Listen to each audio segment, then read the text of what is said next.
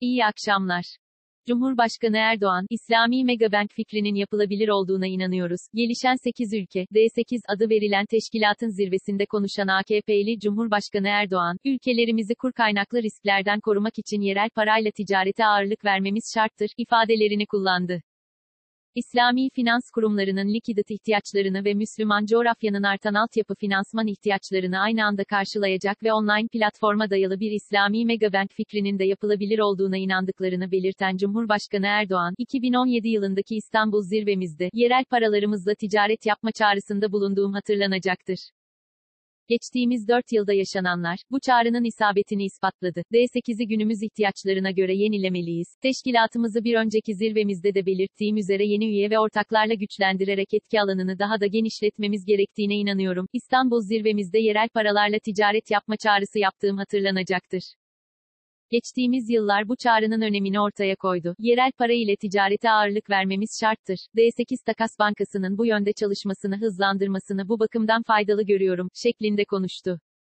Çavuşoğlu'ndan, koltuk krizi, açıklaması, Dışişleri Bakanı Mevlüt Çavuşoğlu, Kuveyt Dışişleri Bakanı ve kabine işlerinden sorumlu Devlet Bakanı Ahmet Nasır Muhammed Es Sabah'la ortak basın toplantısı düzenledi.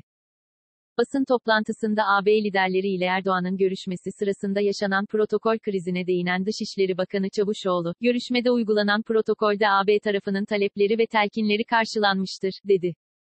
Avrupa Birliği başkanlarının Türkiye ziyareti sırasında uygulanan protokolde, AB tarafının talepleri ve telkinlerinin karşılandığını söyleyen Çavuşoğlu, ziyaret esnasında basına yansıyan protokol mevzusuna ilişkin ise Türkiye'nin son derece haksız ithamlarla karşılaştığını belirten Çavuşoğlu, Türkiye'nin köklü bir devlet olduğunu, her düzeyde sıklıkla ziyaret düzenlediğini ve misafir ağırladığını söyledi. Çavuşoğlu, özellikle Türkiye'de yapılan görüşmeler, uluslararası protokol kuralları ve Türk misafirliği çerçevesinde olur, ifadesini kullandı.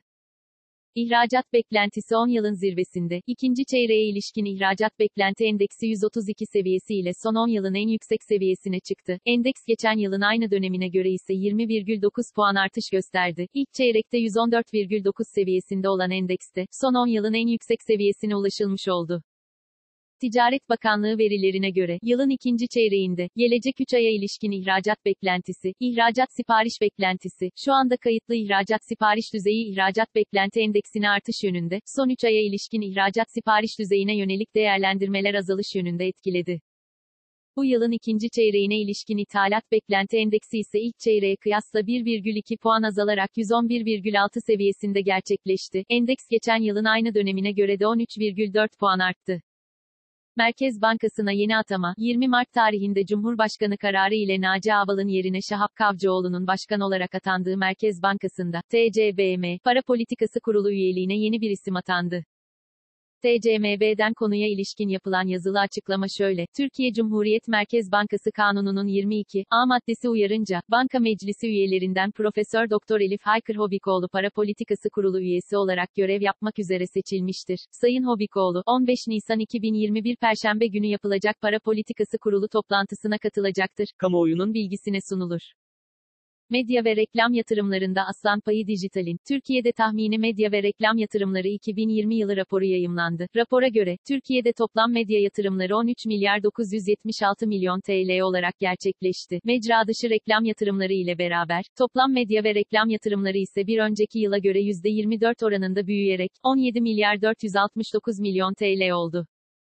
Raporda medya yatırımlarında dijitalin %54 ile en fazla pay aldığı belirtilirken, televizyonun %36 ile ikinci açık havanın %5 ile üçüncü, basının %3 ile dördüncü sırada yer aldığı görüldü. Radyolar pastadan %2 pay alırken, sinemanın %0,2'de kaldı.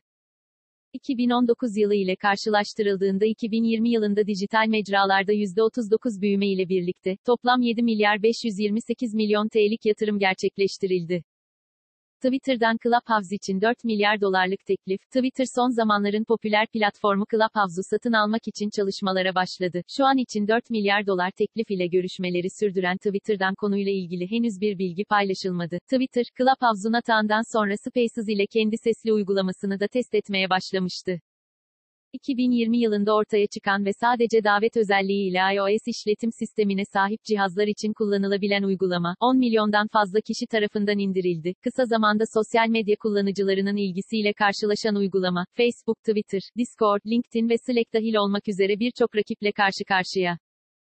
Son aylarda Android uygulamasını oluşturmak için de mühendisleri bünyesine alan uygulama, ayrıca bu hafta, içerik oluşturucuların para kazanmasına yönelik yeniliklerini de açıklamıştı. BIST 100 endeksi, günü %0,09 düşüşle 1416,55 puandan tamamladı.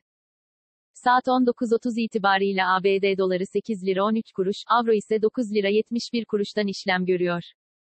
Bugün Google'da en çok arama yapılan ilk 5 başlık şu şekilde. 1 puan durumu. 2. Süleyman Çakır. 3. Gaziantep FK Başakşehir. 4. Denizli Spor Kasımpaşa. 5. Ramazan ne zaman başlıyor? Bugün Twitter gündemi ise şöyle. 1. Hashtag Süleyman Çakır. 2. Hashtag Ayasofya. 3. Hashtag Dünyanın sonu geliyor. 4. Gebze cezaevi cehennemi. 5. Hashtag Maltepe rezaleti örtülemez.